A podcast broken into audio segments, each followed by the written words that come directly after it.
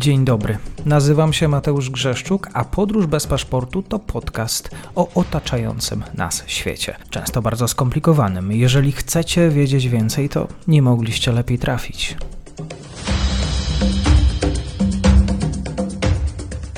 Partnerem odcinka jest Oanda, TMS Brokers, dom maklerski obecny na rynku już od ponad 20 lat. W opisie odcinka znajdziecie link do aplikacji, w której możecie otworzyć konto maklerskie i grać na giełdzie, a wcześniej potrenować na koncie demonstracyjnym. Jeżeli otworzycie konto za pośrednictwem tego linku, dostaniecie na start książkę o tematyce inwestycyjnej. Zapraszam, Mateusz. Dzień dobry Państwu, dzień dobry wszystkim słuchaczom. E, wiem, że Państwo lubią słuchać o Bałkanach, w szczególności kiedy dotyczy to e, krajów Jugosławii, o tak może, i e, historii właśnie kraju byłej Jugosławii. E, zachęcam do tego, żeby znaleźć e, playlistę Bałkany, bo tam jest sporo rzeczy, sporo, dużo wiedzy na temat tego, co się dzieje na południu Europy. Dzisiaj wielka przyjemność, ze mną jest Aleksandra Wojtaszek, bałkanistka, wojtnikarka, tak jest, tłumaczka, autorka książki Fiaka. Teraz jeszcze dzień dobry. Dzień dobry, dzień dobry. Bardzo się cieszę na nasze spotkanie. Przyznam, że zacznę może od takiego banalnego pytania. Wiem, że ono pada też w książce takie porównanie. Jak myślisz, gdyby tak scharakteryzować, czy Chorwacja jest kobietą, czy mężczyzną e, i ile ma lat, to jakbyś mogła odpowiedzieć? Hmm, to ciekawe, nie zastanawiałam się. Ja, ja te, to porównanie używam w stosunku do miast, bo posługuję się właśnie tą tak metaforą, że, że, że miasta mają swoją płeć i swój charakter i często też wiek. Ja, tylko, że ja się ja trochę jakby się wyłamuję z tego, bo mówię, że Zagrzeb jest jak potwór z, z filmu SF, więc tak samo nie wiem, czy bym, nie wiem, czy dałabym płeć Chorwacji. I też jakby to, to, to dość zabawne pytanie, czy y, w jaki sposób czy się bardziej ze sobą zbliżyłyśmy z Chorwacją przez to, że jesteśmy rówieśniczkami? No to jest oczywiście zabawne, zabawnie jest tak porównywać i opisywać, że faktycznie urodziłyśmy się w tym samym roku i to właściwie w tym samym miesiącu. Natomiast no okej, okay, to, że Chorwacja ma taką e, dopiero 30 lat, y, istnieje jako niezależne państwo, to oznacza, oczywiście nie oznacza, że, że jej państwowość też trwa tak krótko i ta świadomość odrębności. No myślę, że Chorwacja się urodziła tak jak większość krajów słowiańskich, to znaczy jej świadomość zaczęła się się rodzić raczej w XIX wieku, bo ja też nie wierzę z kolei w te chętnie opowiadane e, bajki przez nacjonalistów o tym, że, że nasze kraje to istnieją od zarania dziejów, a co najmniej od średniowiecza i oczywiście hmm. chorwaccy patrioci, tak ich nazwijmy, też uważają, że Chorwacja to już jest co najmniej od, od tam króla mhm. Tomisława, czy, czy króla Zwonimira, czy innych królów średniowiecznych, natomiast ja uważam, że kraje rodzą się w XIX wieku, więc ta Chorwacja taka całkiem młoda nie jest. Nie, nie ocharakteryzowałabym jej jako młodej, młodej dziewczyny, jak to się narzuca jakby przez to, że, że ma 30 lat i jej imię kończy się na A. Nie, raczej powiedziałabym, że Chorwacja jest taka Hmm. Chociaż z drugiej strony czasem mam wrażenie, że Chorwacja wciąż jeszcze przechodzi te choroby wieku nastoletniego. Więc mhm. tak, jej taki wiek jest, jest, jest dziwny. Może jest facetem w kryzysie wieku średniego? Może. Nie wiem, teraz, teraz trochę, tro, trochę e, improwizuję, ale, ale tak, ta Chorwacja taka młoda nie jest. Jesteś może z maja albo grudnia? Ja jestem z czerwca, ponieważ czerwca. E, jakby Chorwacja obchodzi formalnie właśnie e, tę datę, kiedy oddzieliła się od Jugosławii, czyli 25 czerwca. Więc ja mhm. jestem 1 czerwca się urodziłam, a Chorwacja poniekąd jakby obchodzi, świętuje swoje odłączenie od Jugosławii razem ze Słowenią 25 czerwca. No tak, bo referendum samo miało miejsce 19 maja, a w Gruzji tak. to jest proklamowanie republiki. Tak, tak, ale jakoś ta, ta data czerwcowa jest uważana właśnie za taką symboliczną jako data, moment, w którym Chorwacja się e, wychodzi jakby z, z federacji, wychodzi z Jugosłowiańskiej Federacji razem ze Słowenią, no a potem wszyscy wiemy, co się dzieje. To znaczy nie jest to jakby moment też, w którym można powiedzieć, że zaczyna się wojna, ponieważ wojna zaczyna się w pewnym sensie wcześniej. Niektórzy uważają, że wojna zaczyna się wraz z tak zwaną krwawą Wielkanocą.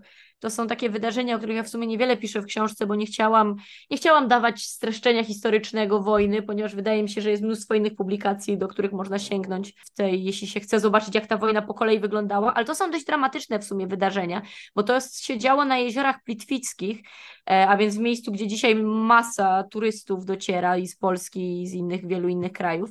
I tam, mm, a to jest taki region właśnie, który był dość mieszany etnicznie. Jak się jedzie właśnie z północy na południe kraju, tam, tam, tam, było, tam było, mieszkało sporo Serbów i tam się zaczęły jakieś pierwsze potyczki z policją, parabojówek i tak dalej. No i tam niestety zginął taki bardzo młody chłopak, Josip. Zginął jeden Serb jeden Chorwat. Natomiast tego Chorwata oczywiście w Chorwacji uznaje się za pierwszą ofiarę wojny, więc tak oni mówi z tym takim zadęciem e, patriotyczno-ojczyźnianym. Tymczasem dla mnie to jest bardzo poruszająca historia w sensie ludzkim, bo on ostatnie słowa, on miał naprawdę jakby dwadzieścia kilka lat, chyba i to bardziej jeden czy dwa. I, I chyba tak wylądował trochę przez przypadek na, na prze, przesiąknięty tymi historiami, że trzeba bronić ojczyzny. I ostatnie słowa, jakie powiedział, kiedy umierał, brzmiały tato. A więc widać, że, że, że był trochę dzieckiem, które trafiło jakby w, do sytuacji, której nie do końca rozumiało. I to mi się wydaje takie przejmujące w kontekście tej wojny, jak bardzo te wszystkie narracje i chorwackie, i oczywiście też serbskie e, są e, przesiąknięte tym, ty, tymi politycznymi wymiarami, natomiast jak mało, jak się zapomina o tym czynniku ludzkim. Mhm. Podpowiedz mi, czy oglądałaś House of Cards? E, nie, nie. Obejrzałam może ze, ze dwa odcinki, ale potem odpuściłam. Mhm, e, no właśnie, po, pojawia się tutaj postać Kevina Spacey, e, który miał zagrać Franio Tudźmana, pierwszy, zmarłego chorwackiego, chorwackiego A, przywódcy.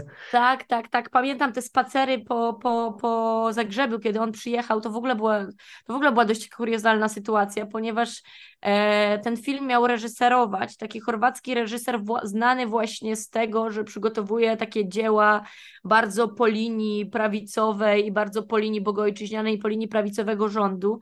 I, i właśnie przyjechał do niego Spacey, który już wówczas e, był, e, był no, na czarnej liście ze względu na to, że już było wiadomo, że, że, że był, przez, czy już nie pamiętam, czy to było przed skazaniem, czy po, ale generalnie cała ta afera z jego, e, z, z jego przestępstwami seksualnymi się toczyła.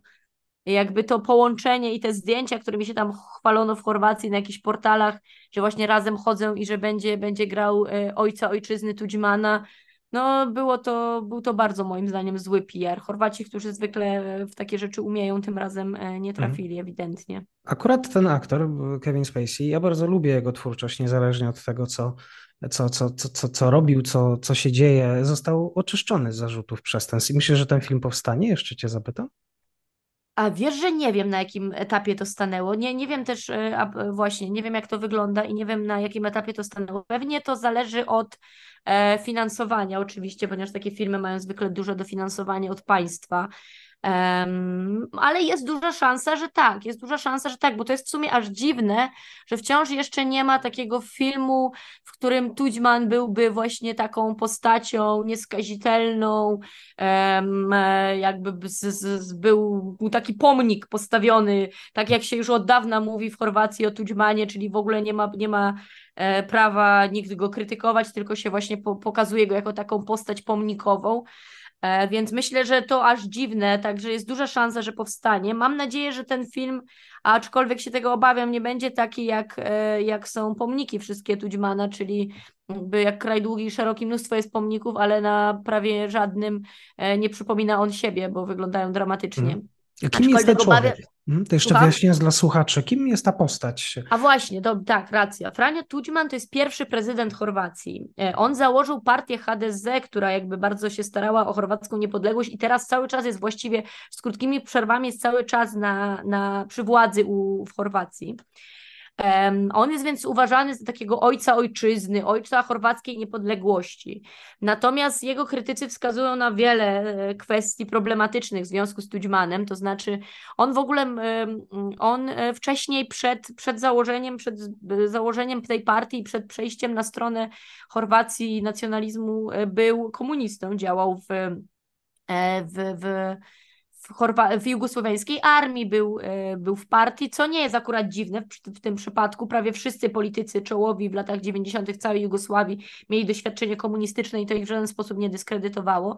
Natomiast większy problem z Tudźmanem i polega na tym, że On bardzo chciał niepodległej Chorwacji, natomiast e, środki, którymi do niej doprowadził i to, w jaki sposób Chorwacja wyglądała w latach 90., gdzie tak naprawdę w pewnym sensie był to rodzaj reżimu, bo ten system był taki, że prezydent skupiał w swojej ręce bardzo dużo władzy. I to, w jaki sposób wyglądała na przykład prywatyzacja w Chorwacji, w jaki sposób w tej no, niepodległej Chorwacji w latach 90. rozstrzygano różne kwestie społeczne i polityczne, ale też zaangażowanie Chorwacji w wojnę w Bośni w latach 90., no to są kwestie bardzo problematyczne w przypadku oceny postaci Tudźmana. Natomiast niektórych rzeczy się nigdy nie dowiemy. Na przykład istniały plotki, że Tudźman ma się znaleźć przed Trybunałem w Hadze do spraw zbrodni w byłej Jugosławii, ale zmarł w 99 roku, więc tak naprawdę nigdy pewne rzeczy nie zostały rozstrzygnięte. Natomiast to, co jest dość symptomatyczne w przypadku jego postaci, to to, że w latach 90. pod koniec, na początku 2000 jeszcze istniało, istniał szereg polityków, aktywistów, dziennikarzy, którzy go bardzo krytykowali. Ale im bardziej się oddalano od tego momentu i im bardziej Chorwacja jakby szła w stronę Europy i tak dalej, czy może nie Europy, tylko Unii Europejskiej, tym bardziej jakoś ta postać stawała się właśnie z brązu. Dlatego się obawiam, że e, widzę też jak w Chorwacji, ale też w Serbii powstają różne filmy o takich właśnie tego typu wydarzeniach historycznych, zwłaszcza z historii najnowszej i one zazwyczaj no, to są filmy, które właśnie, które pod względem artystycznym pozostawiają wiele do życzenia, no, pod względem mitologizacji postaci są niestety, ja piszę z kolei o filmie Ante Gotowina, o filmie Generał, o Ante Gotowinie, czyli e, generale z wojny e, o niepodległość chorwackiej, no i ten film, no nie było to wybitne dzieło, bardzo się, bardzo się, ale chociaż było dość zabawne, więc obawiam się, że ten film o Tudźmanie również może podzielić e, los e, takich, e, jakby to powiedzieć, panegiryków. Tak, wyjaśniając, no ponad już 12 lat temu chorwacki generał Antegotowina skazany w Hadze na 24 lata więzienia za zbrodnie wojenne właśnie z czasów wojny w dawnej Jugosławii. E, on na końcu chyba nawet już e, deklarował, że cieszy się, że Chorwacja wchodzi do Unii Europejskiej, ale wracając, trzeba sobie tworzyć takie filmy, myśleć albo życzyć, e, Chorwaci życzą sobie takich produkcji, może marnych, ale aczkolwiek patriotycznych, pobudzających, bo, bo trzeba coś sobie mm, tuszować, bo trzeba podkolorować sobie ten świat, bo, bo, bo jest nadal jakaś przestrzeń do wypełnienia, jeżeli chodzi o takie, nazwijmy to, um, przestrzeń narodowotwórczą. Chorwaci chcieliby myśleć w pewnych kategoriach. To jest dość skomplikowane pytanie, ponieważ e, jakby tutaj te, podziały są dość wyraźne. To znaczy, wiem, że jeśli ten film wyjdzie, to oczywiście część i to duża część Chorwatów będzie mieć z niego nieprawdopodobną bekę jakby uprzedzam już, ale mówię jakby to na przykład jak to było w przypadku generała, gdzie e, te opinie jakby na, na, na nie wiem, na jakichś e, stronach tam dostawał jakby po, po jedną albo dwie gwiazdki. E, I to nawet nie dlatego, że, że, że bez oglądania, tylko bardziej na zasadzie, że po prostu Chorwaci śmiali się z, z tej, tej takiej właśnie narracji. Natomiast oczywiście są tacy ludzie, do których to trafi, aczkolwiek nie jest ich aż tak dużo.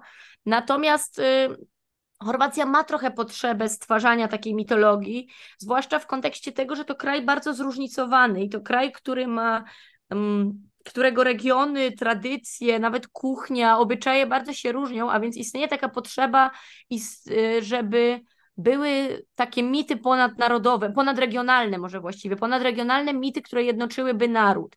I w tym miejscu ważną, ważną jakby rolę odgrywa i wojna w latach 90. i w ogóle lata 90. jako taki wspólny punkt który, który mógłby Chorwatów zjednoczyć, chociaż oczywiście to nie jest tak, że oni wszyscy się w tej kwestii zgadzają, no ale jednak większość Chorwatów istnieje jakiś konsensus, że jednak niepodległość była ważna, że jednak w wojnie byliśmy po słusznej stronie, no co jest oczywiście zrozumiałe.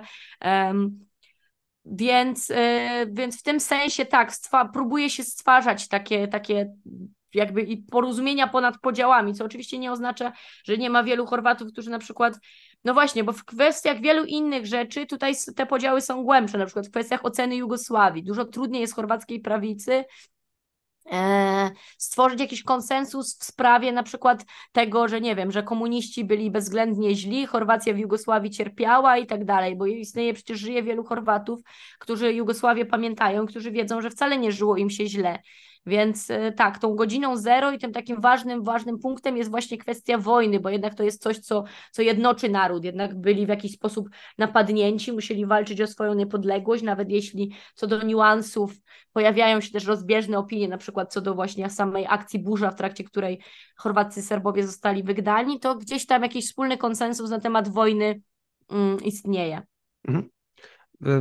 Często, kiedy ta, ta wynikowa polityki zagranicznej, albo też tego, tej narracji, którą chcemy puszczać dalej w świat obieg, jest wynikiem tego, co się dzieje wewnątrz. Z moich doświadczeń kraje, które mówią właśnie o, często o dumie narodowej, potrzebie, potrzebie tworzenia historii, mitów, mm, e, zasłaniają pewne problemy, często ekonomiczno-gospodarcze. Teraz Chorwacja, pierwszy sezon e, za euro. E, czy Chorwaci kłócą się o euro? Właśnie o dziwo zaskakująco mało, to znaczy um, bardziej widziałam, bardziej oburzenie było mi wyrażane przez, że, że ceny straszliwie wzrosły, pisali do mnie różni ludzie, którzy do Chorwacji pojechali na wakacje, postanowili się dzielić ze mną tą informacją, zwłaszcza, że ja jakby twierdziłam uparcie, że aż tak bardzo te ceny nie wzrosły. No i zaczęłam, mam wrażenie, że bardziej właśnie euro uwidoczniło, jak te ceny są wysokie, niż doprowadziło do ich gwałtownego wzrostu, chociaż oczywiście w, y, to nie jest tak, że nie znaleźli się ludzie, którzy przed, zwłaszcza wprowadzeniem euro, bo potem to było nielegalne, podnosili ceny. Natomiast, no więc rozmawiałam z Chorwatami i pytałam ich, no i co, faktycznie czujecie, że jest drożej, jest gorzej, jakby jesteście źli, że wprowadzono euro?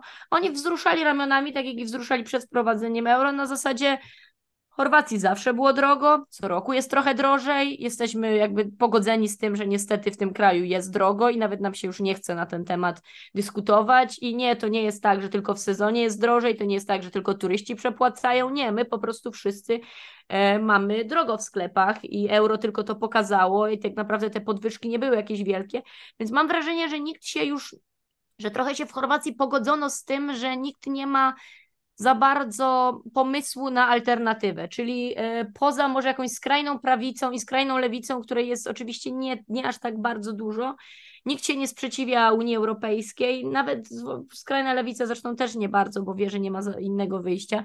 Nikt się nie sprzeciwia samej Unii Europejskiej, wstąpieniu do Unii, coraz większej integracji, Schengen, euro. Piętnuje się takie pojedyncze patologie, być może zwraca się uwagę na jakieś e, problemy w, w polityce wewnętrznej, ale tak naprawdę to nie bardzo, nie bardzo jest pomysł na to, jak zmienić też ten, tę ekonomię kraju opartą na turystyce prawie, prawie całkowicie. Jak zatrzymać ten ogromny eksodus Chorwatów wyjeżdżających za granicę.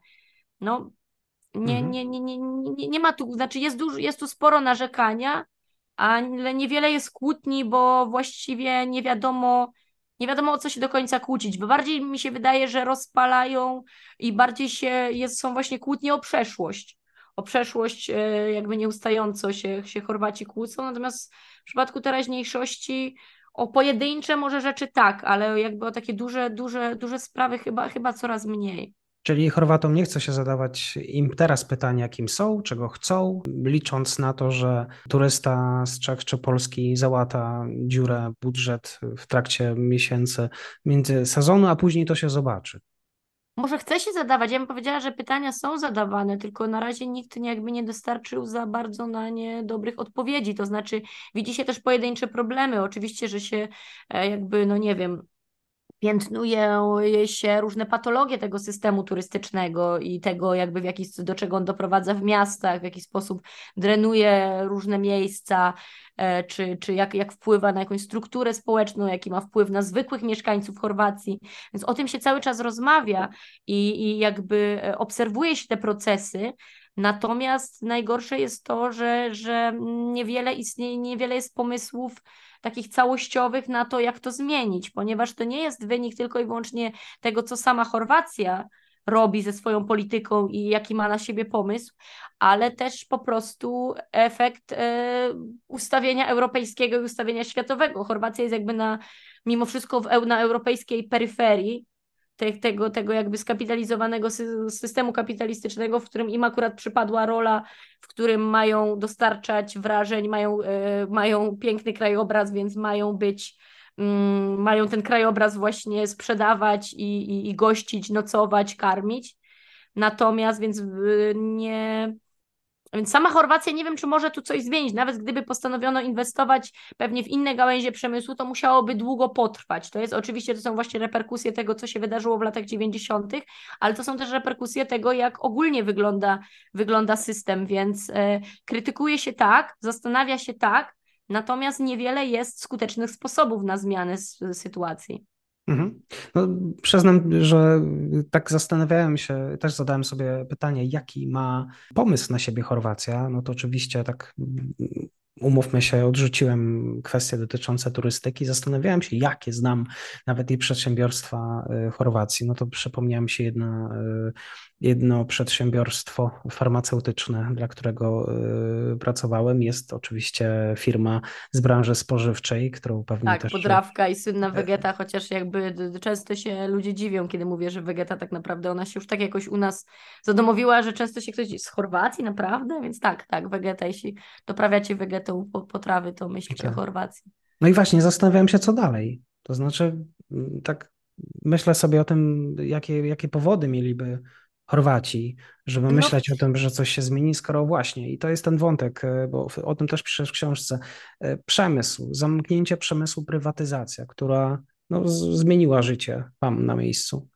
Tak, tak, to są, to jest jakby, to był taki leitmotiv, nie spodziewałam się szczerze mówiąc, że będę jakoś bardzo się zajmować przemysłem, bo to nie brzmi jak sexy temat do reportażu, natomiast to jest, jak, jak, jak można zobaczyć w książce, leitmotiv, y, bo bardzo często te historie mi były opowiadane, jeśli rozmawiałam z ludźmi starszymi, to zawsze gdzieś w tle pojawiały się historie o fabrykach, o pracy w przemyśle, o tym, jak to kiedyś wyglądało, jak wyglądała architektura związana z przemysłem, albo trafiałam na ruiny poprzemysłowe, albo trafiałam na miejscowości, które kiedyś dobrze funkcjonowały, a po upadku przemysłu zostawały zupełnie na, na, na uboczu, więc to to, był, to jest temat, który będzie Chorwację prześladował, wydaje mi się, długo. E, te, te, te, te, to na kwestie społeczne bardzo też wpłynęło. O tym mówili nawet ludzie, którzy bardzo walczyli o niepodległość Chorwacji, czy na przykład weterani wojny.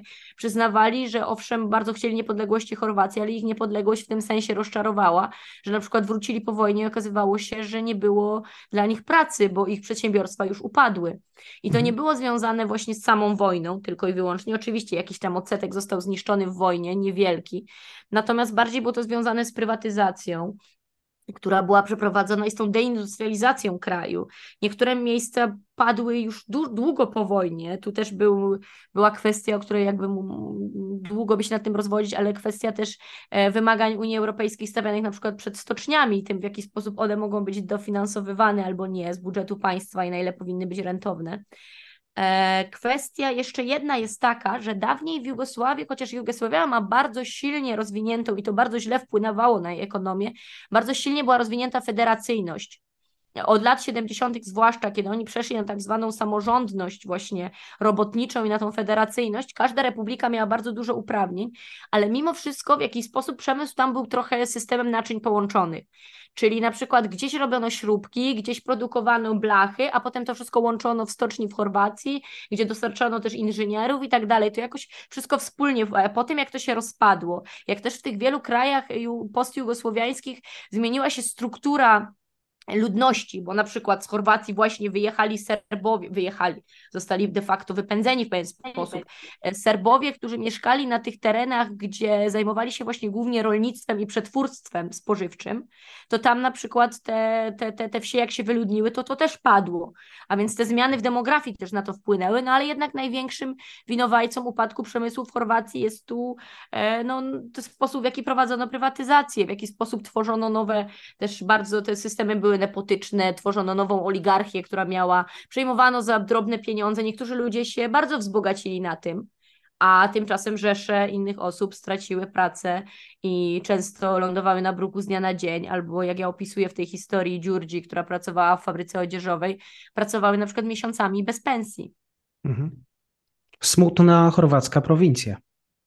Tak, niestety w Chorwacji bardzo widać różnice między Zagrzebiem z jednej strony, ale przede wszystkim nadmorskimi miastami, zwłaszcza w sezonie, i tym, jak wygląda, e, wyglądają miasta, miasteczka i wsie, jeśli się odjedzie trochę dalej.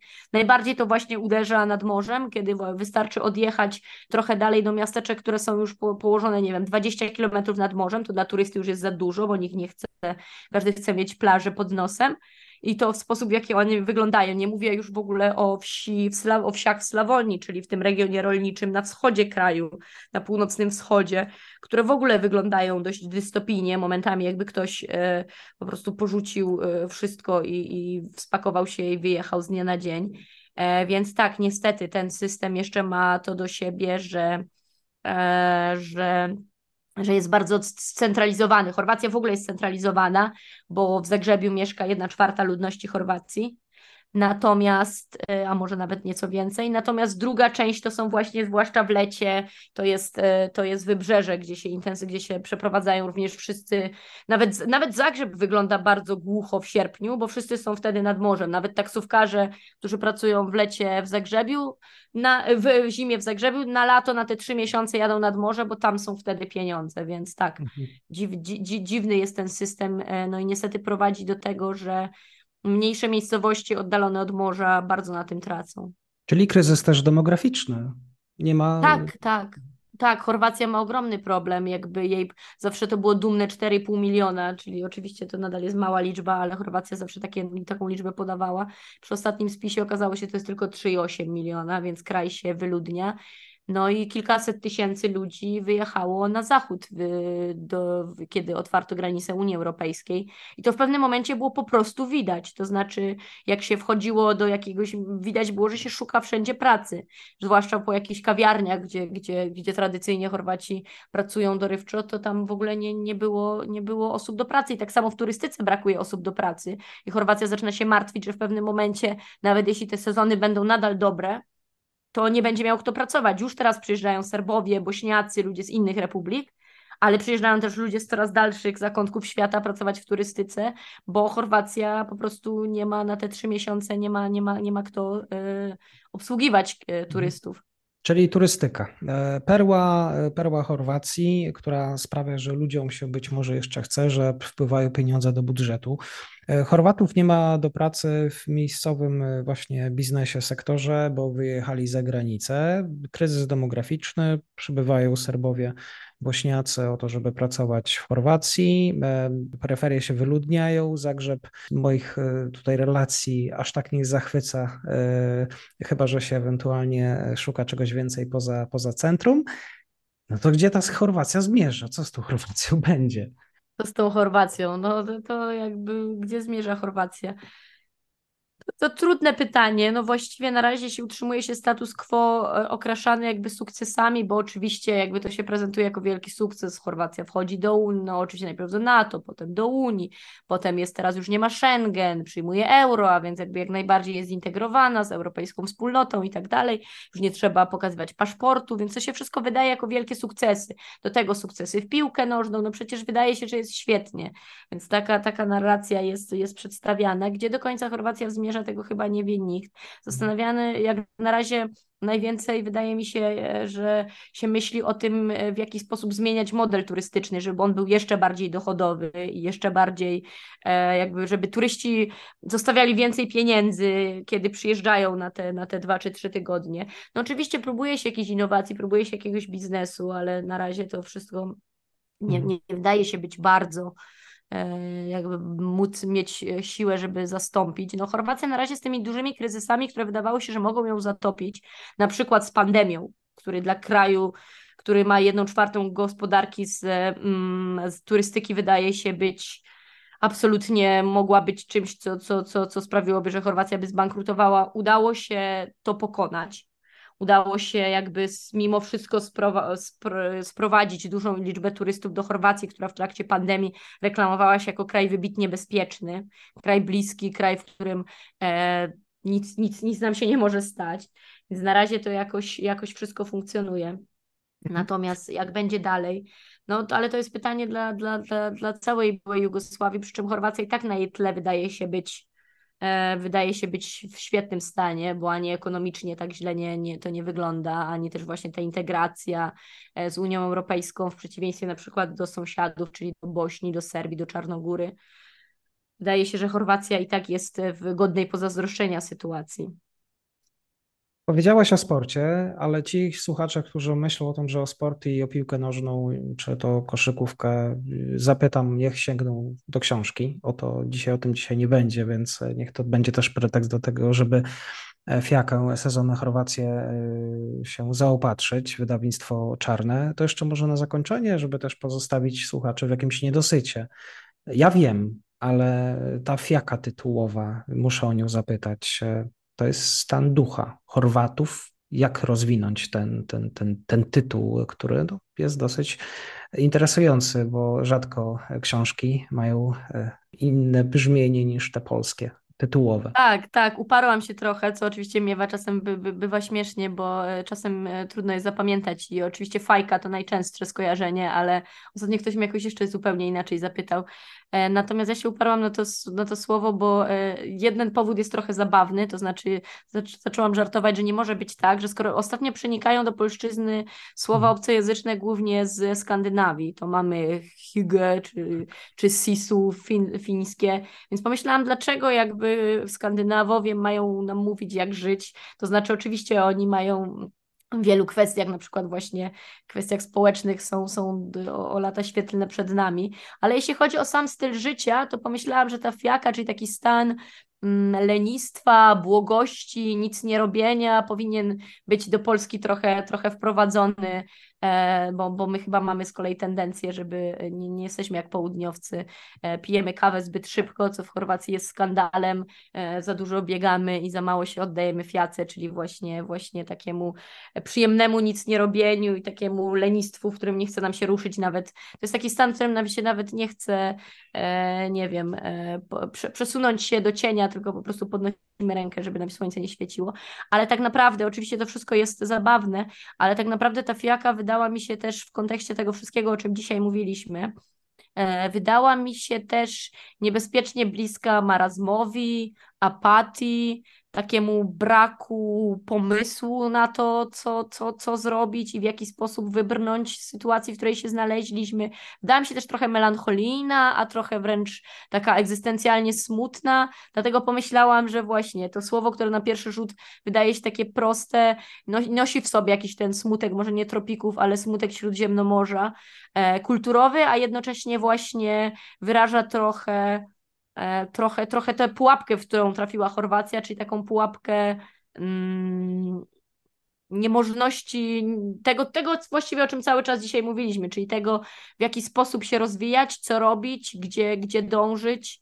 E, to wszystko są, są dość otwarte pytania, na które oczywiście możemy sobie próbować szukać odpowiedzi, których ja prostych nie chcę dawać, więc mam nadzieję, że w książce trochę, trochę nakreślam, skąd się pewne rzeczy biorą i, i, i dokąd, jak, jaka mogłaby być ich przyszłość. Oczywiście e, bez, bez ostatecznych odpowiedzi, bo w przypadku pisania hmm. książki o kraju to zawsze karkołomna sprawa i, i tych ostatecznych odpowiedzi e, nigdy nie ma. No, jak powiedziałaś o tym, że Chorwatom się nie chce, taki stan, powiedzmy, zawieszenia, to myślałem, że to może to jest ta prosta odpowiedź, bardzo prosta, aczkolwiek bardzo subiektywna. E, nie, nie, nie, nie, ja bym absolutnie była daleka od, od jakichkolwiek, bo, bo to jest bardzo łatwa rzecz, którą często robimy, czyli na przykład bardzo często słyszałam, Chorwaci mają bardzo rozbudowaną kulturę kawiarnianą i tam się bardzo często na przykład w południe też wychodzi na kawę z ludźmi, z którymi załatwia się różne sprawy, je się załatwia przy kawie. I jak turyści przyjeżdżają, to pada takie pytanie, e, a bo czy ktoś w ogóle w tym kraju pracuje, czy tylko wszyscy piją kawę. Oczywiście to jest taki stereotyp, a potem jak się patrzy na statystyki, na przykład w jakich krajach się ile godzin pracuje, to się okazuje nagle, że Polacy są w czołówce, że Chorwaci Rumuni są w czołówce przepracowanych godzin w tygodniu, bo, bo to wszystko dobrze brzmi, że jesteśmy tacy, nie wiem, leniwi albo jesteśmy trochę kombinatorami, a w rzeczywistości w rzeczywistości tak naprawdę no, byt określa świadomość w tym sensie, że jeśli jedna praca nie pozwala ci się utrzymać, to bierzesz drugą pracę bez względu na twój, jakby coś, co można określić jakimś charakterem narodowym. Więc owszem, w chorwackiej kulturze, zwłaszcza w Dalmacji, jest dużo takiego śródziemnomorskości, czyli takiej trochę też radości życia, zwolnienia, chęci jakby, żeby nie biegać aż tak bardzo i chęci właśnie, żeby tak y, inaczej to trochę wyglądało niż, niż y, ale, ale prawda jest taka, że jeśli popatrzymy właśnie na statystyki, to okazuje się, że bynajmniej Chorwaci nie pracują mniej niż pracują inne narody, bo, bo nie mają zwyczajnie wyjścia. Myślę, że to jest tego kwestia. Myślę, że kultura to jedno, a druga to są właśnie kwestie y, społeczne czy ekonomiczne, które nas zmuszają do. Więc nie, nie, nie potwierdzam, że, że Chorwaci, Chorwaci są jakoś wybitnie leniwi. E, w tymczasem e, po, pozwolę sobie na żart na koniec, mogę? Bardzo proszę ponieważ e, teraz skończyłam zajmować się na jakiś czas, porzuciłam Chorwację i zaczęłam zajmować się sąsiednią Czarnogórą. E, a Czarnogó o Czarnogórcach właśnie krążyły przez całą Jugosławię, krążyło mnóstwo e, dowcipów o tym, że to oni są z kolei wybitnie leniwi. Skąd one się wzięły, nie wiem, jeszcze nie doszłam do tego, ale będę się starała jakby znaleźć ten początek, w którym nagle e, powstał ten stereotyp o Czarnogórcach, że to oni są wybitnie leniwi i tu pada mój, więc było bardzo dużo żartów na ten temat i mój ulubiony żart brzmi, myślę, że można by go również przełożyć na Chorwatów, jaki jest rekord Czarnogóry w biegu na 100 metrów? 67 metrów. Żebyśmy nie kończyli takim smutnym akcentem, to zabawnego na koniec. Ja, drodzy Państwo, zachęcam do tego, żeby, e, zachęcić, żeby zakupić książkę Fiakę Sezon na Chorwację e, o niepodległej Chorwacji, bardzo młodej, ponad 30-letniej. E, tak jak rozpoczęliśmy, tak i zakończymy. Aleksandro, bardzo dziękuję za spotkanie no i mam nadzieję do usłyszenia i powodzenia przy kolejnej książce. Bardzo dziękuję za zaproszenie, bardzo mi miło, trzymaj się. Dziękuję serdecznie za odsłuchanie tej audycji. Zachęcam oczywiście do kliknięcia subskrybuj, obserwuj oraz wsparcia mojej pracy na serwisie Patronite. Do usłyszenia.